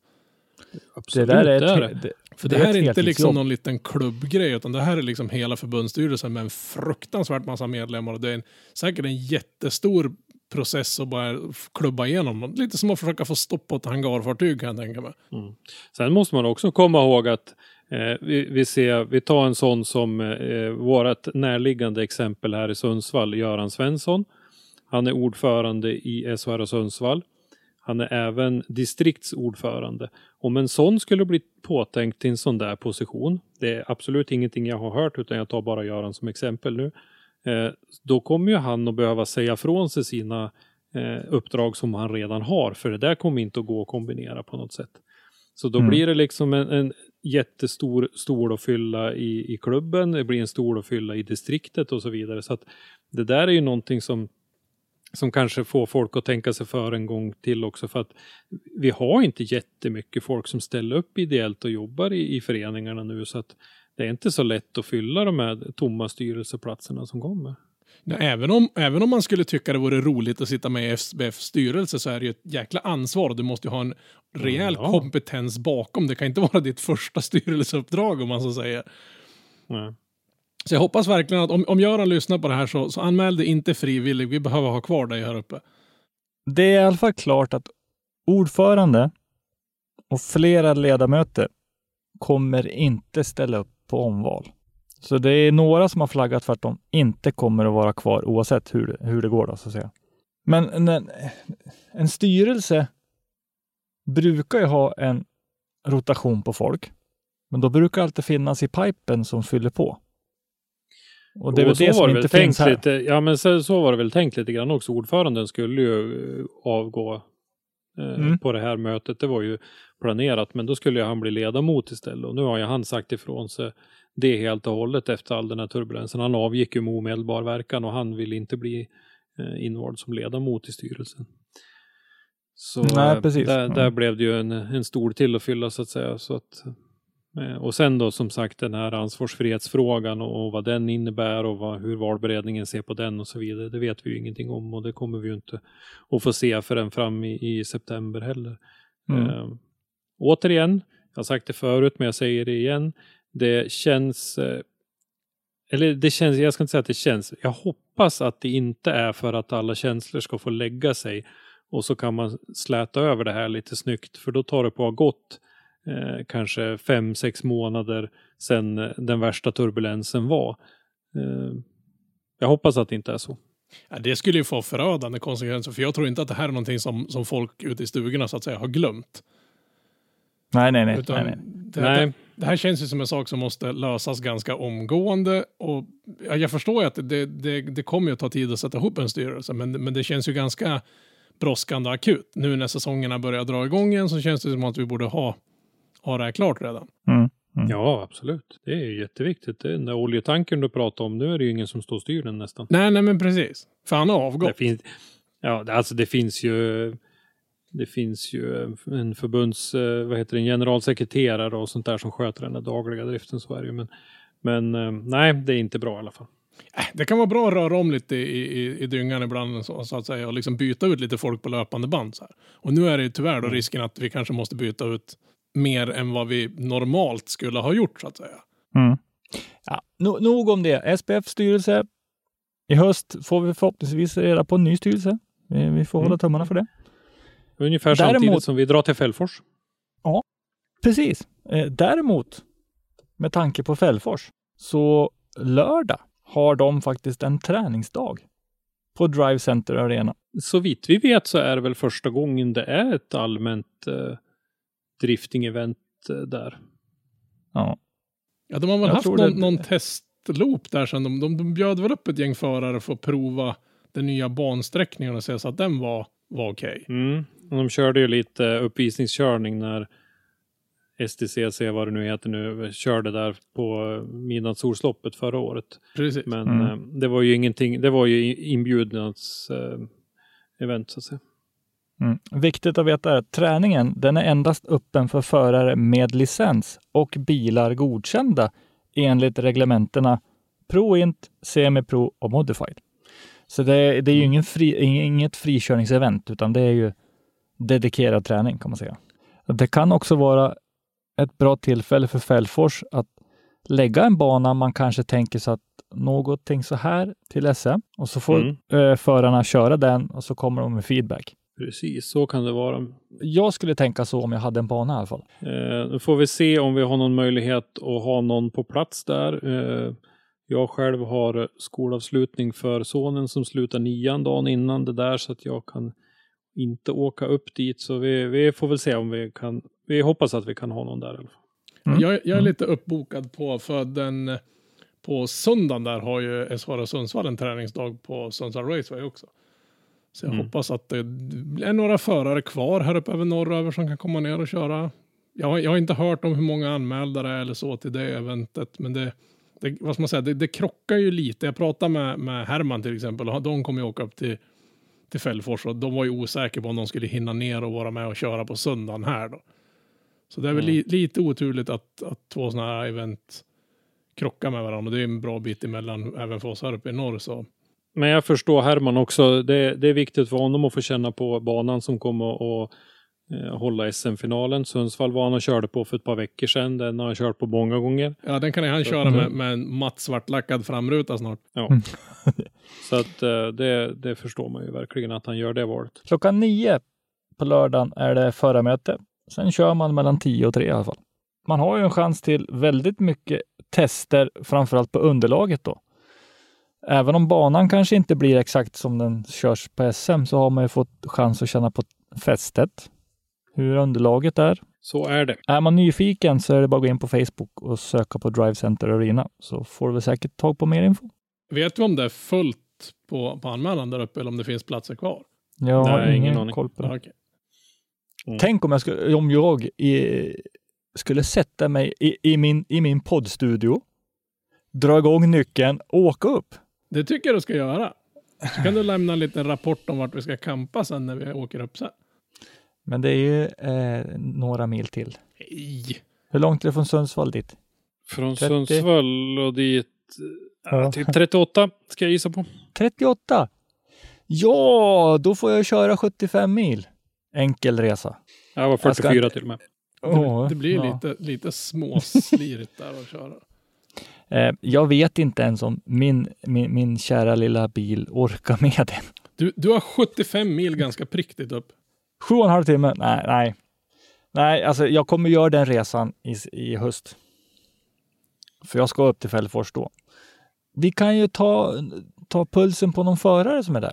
Vi kanske kan fråga Joel om vi kan få lite sån här race report och hur, hur det gick där uppe. Ja, Han får vara våran, våran ambulerande rapporter på plats. Men med, med, med betoning på ambulerande i hans fall.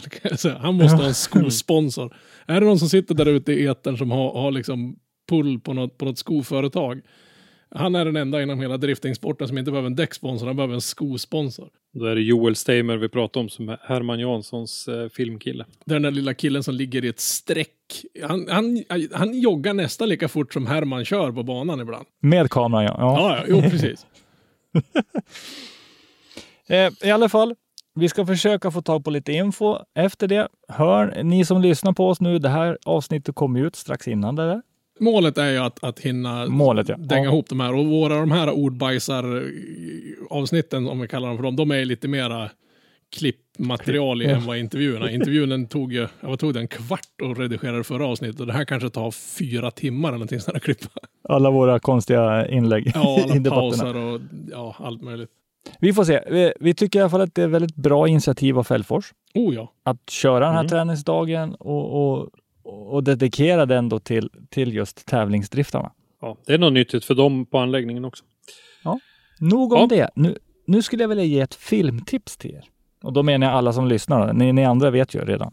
Fredrik Asbø, eller Ösbö. Hur säger man Asbo? Åsbö säger jag. Det är ett Åsbö, dubbel A ja. som Ja. blir Å och så ett Ö på slutet. Fredrik Åsbö. Becoming a Drift World Champion. Filmat av Robyworks. Riktigt snygg film. Som ofta när det är Robyworks. De eh, gör ju snygga produktioner. Tänk, jag, jag kommer aldrig glömma tjejen i Robyworks. Alltså den människan var ju överallt. Gatubil Mantorp förra året. Men inte med en kamera utan med klistermärken. Mhm. Eh, Hon, hon kittade upp det här uh, Gymkhana-tävlingen som gick på en av kvällarna. Och hon klistrade upp Roboworks överallt. Jag tyckte det var väldigt skönt nu Henrik att du inte tog en lång konstpaus där när du sa jag kommer aldrig att glömma tjejen i Robyworks. Det enda jag kommer ihåg av Robyworks-folket, det var när jag från Våler när det låg en kille på curbsen i innerkurvan i en av de där och tyckte att du kanske inte ska ligga just där när det är liksom de här äh, driftnoobsen ute. Det kan bli en enhjulsburnande 740 tvärs över, men ja, han låg kvar där. Har du en kamera framför dig så är det, en skyddsbarriär. det som Ah, okej. händer i kameran, det händer inte dig rent fysiskt. Ja, Jag vill nog hålla lite längre säkerhetsavstånd från bilarna än en decimeter faktiskt. Du hade inte mått bra i Riga, Robban, kan jag säga. Alltså, Nej, Ja, där är de. alltså, Ja, ja. nej, de, de där människorna, de producerar jättesnygga filmer som sagt. Men eh, Arbetarskyddsstyrelsen skulle ju få spunk om de överhuvudtaget såg dem. För det nej, de, ni får ursäkta det, men de är inte klok. Ja, nej, eh, de är duktiga. Väldigt duktiga. Mm. oh ja, oh ja. Eh, ska vi säga det också att i den där filmen, det är ju eh, Rymax bland annat som ligger bakom den där. Så att det är ju lite, lite reklamigt och Fredrik berättar ju lite grann om hur bra hans motorer mår av, av Rymax Lubricants och, och sådär. Så att, men det får man ta. Det är en, han, han berättar lite grann om sin historia och, och sådär. Så att det, den, den är sevärd ändå. ja någon, någon ska ju betala produktionen också. Ja, men så är det ju. Vad har vi mer då?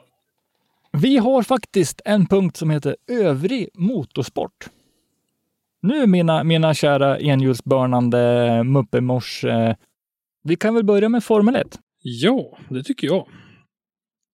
Där eh, har man ju lyckats fått igenom några lite, uh, några slags undantag från de här reglerna i, i England. Så att eh, de uh, karantänsreglerna här så att man ska kunna köra den här dubbeltävlingen på Silverstone i alla fall. Nu verkar det väl som att det blir åtta race som är klart så här långt. Och åtta race är ju som av en ren slump det som krävs för att få utse en världsmästare. Ja, just det. De får ju inte ha mindre. Nej. Eh, Sen så vet jag ju att 15 lopp är en gräns som eh, Liberty Media då, som äger Formel 1 gärna vill uppnå därför att då är de fria från sina åtaganden till alla tv-bolag och så vidare. Kör de färre än 15 race då måste de återbetala en del av de här tv-pengarna och det är ju jättestora pengar naturligtvis. Eh, Men, men åtta är en bra början i alla fall och då, då börjar man ju, det har ju varit klart ganska länge då att man börjar i Österrike, Red Bull Mm. Ring. 3 till 5 juli och sen så kör man där då även veckan efter 10 till 12 juli. Och sen då så svänger man förbi Ungern och kör 17 till 19 juli. Och sen bär det iväg då till eh, England och Silverstone där man kör först 31 till 2 augusti, 31 juli till 2 augusti och så sen igen 7 till 9 augusti. Mm, det är två veckor emellan då. Nej, en vecka emellan. Ja, det är en vecka emellan. Sen så drar man ner till Spanien, eh, Circuit de Catalunya och Mm. eh, 14 till 16 augusti. Upp till Belgien två veckor senare på Spa 28 till 30 augusti och så sen så blir det Monza i Italien 4 till 6 september. Och sen så har de ju ryck på, på mera då, om man säger, eh, var inte Oman inblandat eller något sånt där? Jo, grund, eh, grundidén har ju varit då sen att dra bort till eh, typ Ryssland, Azerbajdzjan, eh, Singapore och, och där bortöver. Sedan bort till Asien och så Amerikas med USA och Brasilien och så sen till arabvärlden på slutet med Oman. Mm. Men det är alltså bara, det är bara det här som är satt att det kan genomföras, om man säger så. Då. Just nu. Ja, det är det här som är ganska klart. För tittar man nu hur det börjar se ut med, med den här pandemin i, i Asien så har man ju haft vissa, det har blossat upp igen på vissa ställen. Eh, tittar man på USA så skulle jag inte vilja åka till USA precis nu. Nej, I alla fall. just Eh. Brasilien är ju total katastrof och där har ju dessutom presidenten gått ut och lovat att det loppet ska köras med publik. Ja, dessutom. Ja, dessutom. Så jag ska slänga upp en boll i luften här och säga att det kommer bara bli Formel 1 i Europa i år. Tror jag. Ja, just nu, för att menar, de här länderna vi sa nyss, de är ju bara i startgroparna känns det som, Mm. utav pandemin. Så att eh, det, det kan bli så att man, man kompletterar med ytterligare någon tävling. Jag vet att det finns fler banor i Europa som är het på gröten. Vi vet att eh, Tyskland eh, har det varit några, Hockenheim bland annat och så där. Så att det kan nog gå att få till ytterligare något race i, i Europa. Så kanske inte komma Ja. upp i 15 då, men eh, något fler än de här åtta i alla fall. Men om man säger så här, det finns egentligen ingenting som, som stoppar F1 från att köra samma schema igen. Man har ju det här med att man inte får köra samma Grand Prix två gånger samma år. Så att nu har man ju gett de här eh, lite konstiga namn då som eh, första på Mm. Red Bull Ring heter Grosser, Pri- Rolex Grosser Preis von Österreich. Och sen heter den andra då Pirelli Grosser Preis der Stei- Steiermark. Det är liksom eh, den, eh, ska säga länet eller det området där banan ligger. Mm. Eh, på Silverstone då är det Pirelli British Grand Prix som det brukar vara. Och så sen så är det Emirates Formula 1 70th Anniversary Grand Prix.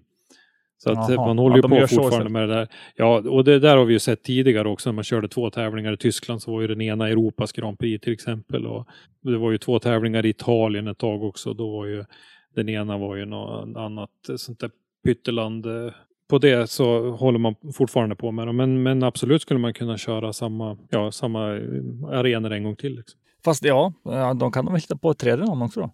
I alla fall, F1 verkar vara som att de vill verkligen dra igång och det är ju stora värden i rullning så att det är klart att de måste igång. Mm. En annan stor grej i Texas var ju då, eller som Gert Fylking sa, Äntligen! Indycar har haft premiär. Och äntligen säger jag, det var på ovalbanan i Texas Genesis 300 körde de där och det, tyvärr då så var det ju helt tomma läktare som man såg. Det var, såg lite... Det var ingen, ingen eh, rolig bana att börja med. Nej, nej, det var väl liksom så här, kanske inte ska dundra igång med någon valbana det första man gör.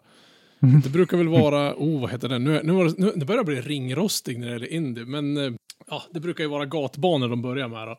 Men det, det var liksom, eh, ja vad ska man säga, det en hyfsat städad tävling för att vara ett premiärlopp då. I och för sig var det, det satts lite bilar i murar och, och lite avåkningar och grejer både under kval, träning och under själva racet. Eh, Men det, var- det var inte som det var, man hade förväntat sig man har sett iRacing, att det var liksom bilar som var uppe 20-30 meter i luften och så trycker man på reset och så är det bara fortsätta. De, de, de Nej. tog inte med sig iRacing-taktiken in på Indybanan och det är jag väldigt, väldigt glad för. Ja, ja verkligen. Och då verkligen. såg man ju några av de här som verkligen glänste i iRacingen, de hamnar ju typ lite längre bak i fältet. Ja, för det skiljer sig ganska mycket för att sitta virtuellt. Ja, oh ja, oh ja, oh ja. Du har ju Och köra. det, det är inte ens samma bollpark så att säga. Men Nej. det var ju lite avåkningar. Tyvärr då så var väl Felix en av dem som besökte muren där då.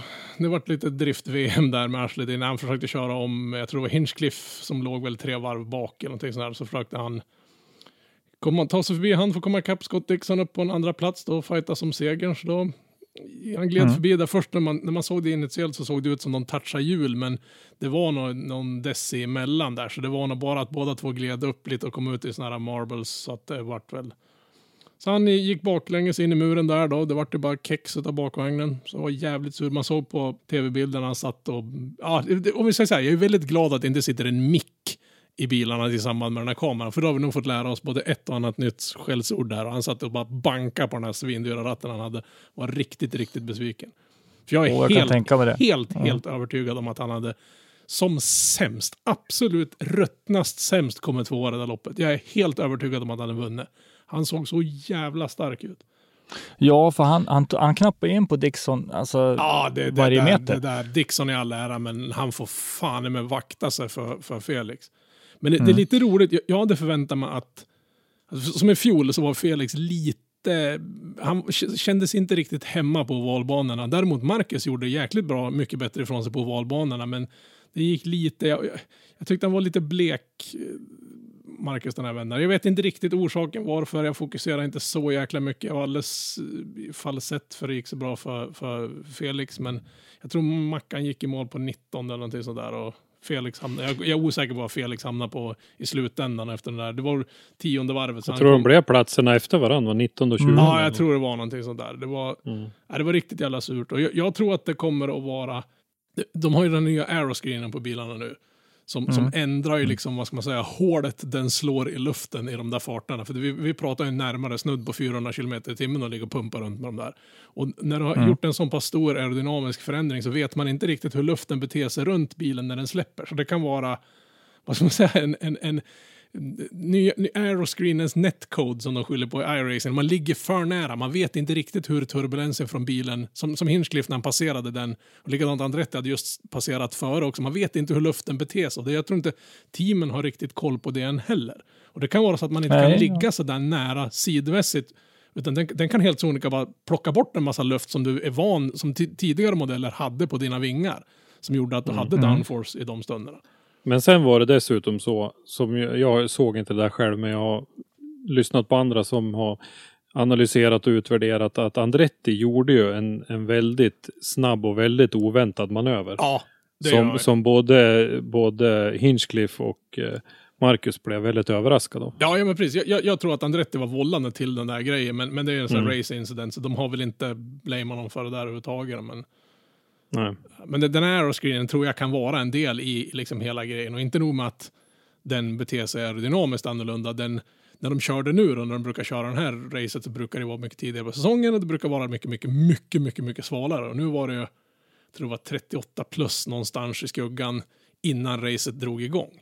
Och i vanliga fall så är det kanske 50 plus grader i de här bilarna. Jag vill inte veta hur varmt det blir nu, för nu är det ju nästan vindstilla i kupén.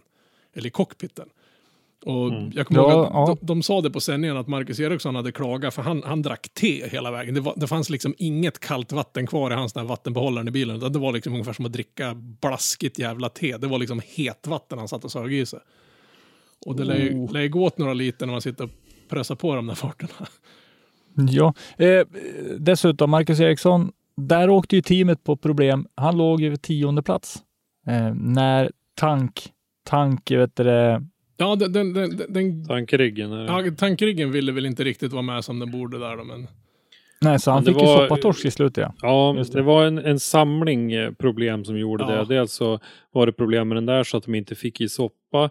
Sen så var det ju problem med någon elektronik och någon styrning så att eh, hans eh, eh, varningssystemet, eh, eller den läste inte av mängden i, i tanken som den skulle. Och så det var någon mer grej också så att han hade, det var en seriegrej. Det är en helt ny bil det där som Marcus kör. ja, ja. Eh, Det, det är ett nytt team för han också, för han körde för ett annat team Ja. i fjol och nu, nu kör han Jo, men för- och sen Chip, Chip Ganassi Racing har ju utökat från två till tre Ja. bilar. Så eh, Marcus och eh, Scott eh, Dixon. Dix, ja, Dixons bilar, de har ju gått tidigare men, men Marcus bil är helt ny. Och då, då tyvärr då lite inkörningsproblem. Och det har ju varit lite sparsamt med tester och sådär i år. Så att då, då kan det väl bli sådana där barnsjukdomar. Men båda förarna sa ju att den här iRacing-säsongen som de har haft, har, då har ju de haft sina tekniker och, och några spotters vid vissa tillfällen har ju gjort att de har svetsats ihop ett, ett, ett mycket starkare team. Så de har ju liksom hittat varandra redan på off-seasonen så att säga, innan de då går igång i, ja, ut i, ut i, i, skarpt läge om man så säger. Men för mig som är ganska noob på, på Indy så blev jag lite förvånad över det här med att eh, bilar som är varvade också får racea om platser liksom. I, I Formel 1 där är det ju blå flagg liksom och då Ja. är det ju bara att flytta på sig. Nej, här får du ju, du, du, har ju hela tiden chansen att kunna kämpa tillbaka det på lead, ja, leadvarvet så att säga. Däremot när, när det blir så här safety car eller pace car, när den kommer ut, då kör ju de här som är varvade, de kör ju om den för att beta av. De, de kör väl någon sån här lucky dog-grej. Jag vet inte, i, i första kön bakom en, en, en eh, pace car så att säga, ett varv efter. Han kan ju få en så kallad lucky dog där de får köra ett varv runt och komma ikapp leadbil, eller leadvarvet så att säga. Ja, precis. Och då är man ju med i, i spelet Ja, ja. igen ju. Så att säga. Jo, men, men som, som, som Hinchcliffe som låg tre varv bak. Han, jag förstår inte liksom att han fightas. Det är ing, inget illa ment om han och det är liksom race. Det, det är klart det ska racas och det var inte så att de touchar men han kan ju kunna släppt av lite. För han ligger ju dock tre varv efter när det är tio varv kvar att köra av racet. Då känns det som att man kan chilla och ta det lite lugnt. Göra en Tony Kanan och bara helt sonika överdriva sina sina, vad ska man säga, sidoförflyttningar så att de andra har mycket, mycket lättare att komma förbi. Ja. Mm. Men det är det. Hin- Hinch har väl ingen eh, permanent styrning i år, så han var väl lite het på gröten och ville visa att han han, eh, För, han, han, han, vill liksom visa att han fortfarande är med i matchen, för han är ju en av de som torskade på den här McLaren-intåget i Indycar och Mm. varit av med sin styrning. Och likadant han och Mackan rök ju. men vet du för Hinch, Hinchcliffe skulle väl, han skulle ju inte förlorat någonting om han hade släppt förbi Nej, Felix. nej, ingenting. Tyvärr då så får, ju, så får ju vi indonördar vänta en hel månad. Ja, det är ju den, den 4 juli på deras lilla partydag där borta som de kör. Eh, vad heter det? Independence Day. G- GMR Grand Prix på Indianapolis Motor Speedway. Det är en som, om jag uppfattar rätt så är det en så kallad double header. De kör både Nascar och Indycar den helgen där.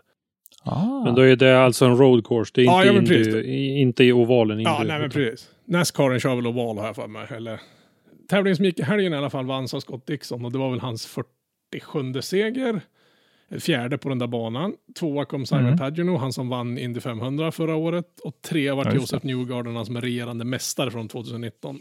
Och är väl fortfarande en av de som är en realistisk chans att plocka en, en till titel i rad. Men jag tror att det kommer att bli Dixon som städar det här om inte Will Power får sitt shit together. Och med, med en liten flik om att Felix är inte och man, man ska inte räkna bort den killen i år. Nej, jag tror att han kommer som sämst topp fem. Han har slutat lekt rookie. Nu är det allvar som gäller. Sen har vi också en, en annan med svenska rötter i alla fall. Oliver, Oliver Askew, han visade väl framfötterna tycker jag. Ja, ja, oh ja, oh ja. En eh, sak som jag tyckte var lite underhållande var ju när en av de mer rutinerade förarna i det här startfältet, och Takuma Sato, hade sagt att man kanske skulle ta det lite chill och eftersom det var första gången för säsongen. Det var en ovalbana med ganska hög hastighet och så där, att man skulle ta det lite lugnt och hålla någon centimeter extra marginal. Och det där tyckte jag ju var fantastiskt underhållande. För större dåre än Takuma Sato vet jag ju inte om jag känner till. Nej, det, det är en folkraceförare som har fått möjligheten Ja. att köra lite Indycar. Det finns väl ingen som har trasslat in sig och varit orsaken till så jävla mycket olyckor och blivit... Nej, och det var ju samma i Formel 1 också. Ja, ja. Men det, det är väl han, han och Simon Pagino har ju folk liksom hotat med att spöa. Jag vet inte, Will Power och, och Takuma Sato är väl inte direkt några killar som kommer att ta några långa, varma, gosiga duschar ihop om man så säger. Jag tappar inte tvålen där kan jag säga. Nej, nej, nej, precis. Nej. Nej, de, de gillar inte varandra. Men jag saknar liksom det här med i iRacingen att höra att Will Power sitter och kallar alla andra förare för wanker. Jag tyckte det var jävligt underhållande, men nu får man inte höra det tyvärr. Ja, nej, alltså det, har ni inte tittat på Indycar så gör det. Det, det finns det- mycket runt omkring. Men, nu, nu kommer jag säkert att reta upp en massa människor, men Formel 1 det är liksom en instegsserie till Indycar i min värld. Ja, där håller jag ju inte med dig. Men däremot så kommer man och Det är ju faktiskt en hel del som talar för att eh, Formel 1 kommer att gå mot ett reglemente som mer liknar Indycar med någon form av enhetsbilar eh, på något sätt och sådär för att man måste man måste trycka ner de här helt hysteriska kostnaderna i Formel 1. Och nu har man ju satt Ja. där eh, budgettaket och lite sådana här grejer. Men det är ju många som tror att på lite längre sikt så kommer vi att hamna någonstans i någonting som ganska mycket liknar Indycar. Ja, men om Formel 1 ska överleva, speciellt nu när vi liksom är inne i en ganska hård, för jag menar, sjukdomen i all ära, det är liksom inte, ser inte jättebra ut ekonomiskt för världen just nu. Och sen är det frågan om typ som team som, de har ju sett redan varningssignaler från Williams om att huruvida de kommer att överleva och Renaults F1-team var det några rykten om att de var till salu ett tag och sen gick de ut och dementerade och sådär. Och nu, nu går det ju ett rykte om att eh, Ferrari ska slå sig in i Indycar-branschen nästa år så att säga. Eller de håller åtminstone, de har tagit fram någon konceptbil där då som de vill vara inne och, och grotta lite med. Men det, det kopplar man väl delvis ihop med eh, budgettaket Ja. i Formel 1. Att man har en massa folk som, som blir över och man vill inte sparka dem och göra sig av med dem utan då tittar man på nya serier istället som man skulle kunna engagera sig i. Men det kräver ju i så fall att man får bli motorleverantör åtminstone till Indycar och det är man ju inte idag. Idag finns det ju två motoralternativ och- ett enhetschassi så att, heter det Delarra eller det, något sånt där heter väl Ja, chassitillverkaren? Mm. Och eh, en skeva motor i ett sånt chassi och så står det Ferrari på bilen, det är C, då skulle ju alltså Enzo Ferrari snurra som en propeller i sin grav. men alltså. Nej, men jag, jag tycker Ja, det- det, skulle det vara ganska gå, roligt att ge, ge dem ett försök och se om det är så jävla lätt.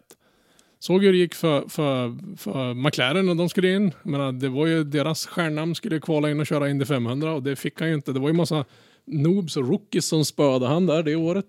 Är det Fernando Alonso du pratar om? Jajamän, det gick ju lite sådär för han. Mm. Speciellt när du inte, det spelar ingen roll om du är Ferrari som har nästan till en obegränsad budget. För du har så hårda riktlinjer att köra på. Så det spelar ingen roll att du har alla pengar i hela världen och all teknik i hela världen när du har ett reglemente som hindrar dig från att utnyttja alla dina resurser. Ja, nej, det är intressant och jag tror att Formel 1 behöver gå någon, åt det där hållet också. Tittar man hur det nu har sett ut under ganska många år med total Mercedes-dominans och, och Red Bull och Ferrari som har varit med och dominerat under ganska många år också. Så det, det är sån total dominans att det är svårt att vända på det och mycket av det där skulle man ju komma ifrån om man hade ett eh, reglemente som mer liknar eh, Indycar eller någonting åt det hållet. Ja, det, det ska ju Mm. vara teamets arbete och förarnas prestation, inte teamchefens plånbok som köper. För, för nu kan det vara helt så, den som har mest pengar, den vinner Formel 1-VM. Det är liksom ingen diskussion om det. Du, Nej, har du fyra miljarder då kan du köpa Formel 1 VM. Och med det grabbar har vi faktiskt nått slutet för dagens podd. Så du menar alltså att Ja. det blir ingen information om att Nordkorea har brutit all kommunikation med Sydkorea? Det är det du menar alltså? Nej, vi, vi, har, vi har ju inte fått tag i Kim Jong-Un för att få en kommentar eftersom de har brutit all kontakt. Han svarar ju inte. Vi ringde och det Nej. gick fram massa signaler. Det var ingen hemma där. Han, han svarar inte, men, men däremot har känt mystiska vibrationer i golvet. Kan vara att att han är på han väg kanske hit. gräver. Ja, han kanske gräver sig framåt. Ja, vet är hjärtligt, hjärtligt välkommen in på ett avsnitt. Alltså det, det, det skulle vara en ganska schysst scoop. Jag är fortfarande lite rädd om eh, att han är lite på väg ut ändå, är den där, och att hans syster kommer att ta över det där. Och, eh, Ja, det. Vore, det vore lite bittert. Ja, nej, vi fortsätter väl att hålla koll på Kim Jong-Un och hans kompisar. Eh, men nej, i och för sig, han kanske, han kanske kan, istället för att böja tid och rum, så kanske han kan böja sig själv så att han böjer sig för det. Ja, ja, så- om man tittar på hans figur så är det jävligt svårt. Att, då tror jag nästan han har lättare att böja tid och rum faktiskt. Ja, nästan. Ja, ja, kanske. I alla fall, eh, jag hoppas ni har haft lika trevligt som vi har haft. Och eh, vi kommer tillbaks med ett nytt avsnitt redan nästa vecka igen. Så alla ni som ska vara involverade i tävlingar, se för guds skull till och få klart allting, för snart rullar det igång. Hej då Christer! Hej då! Hej då Robban! Hej då.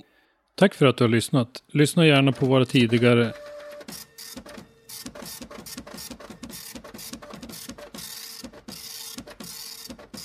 Nu kommer det, nu kommer det nyheter här i teleprintern. Då ska vi se. Det är Formula Drift-nyheter faktiskt som kommer in här i sista sekunden. Eh, ny kalender från Formula Drift. Där man kommer att köra dubbeltävlingar 4 till 6 september kommer eh, deltävling 1 och 2 att gå i St. Louis. 25 till 27 september kommer tredje och fjärde deltävlingen att gå i Monroe, Washington. 16 till 18 oktober kommer eh, femte och sjätte deltävlingen att gå i Fort Worth, Texas. Och 20 till 22 november kommer eh, deltävling 7 och 8 att gå på Irwindale i Kalifornien. Det var senaste nytt från Formula Drift alltså. Och med det var allting sagt för idag. Tack för att du har lyssnat. Lyssna gärna på våra tidigare avsnitt och glöm inte att ge oss betyg i din podcastapp eller på podchaser.com. Besök oss på www.driftzone.se eller i sociala medier för dagliga nyheter. Vi heter Driftzone på de flesta plattformar. Har du ett ämne eller en gäst som du vill att vi tar med i Driftpodden så skicka oss ett meddelande på våra sociala medier eller skicka ett mejl till oss på driftpodden gmail.com. Medverkande idag var Henrik Andersson, Robban Strandberg och Christer Hägglund. Ljudtekniker Robban Strandberg. Driftpodden är en produktion från Driftzone och produktionsåret var 2020.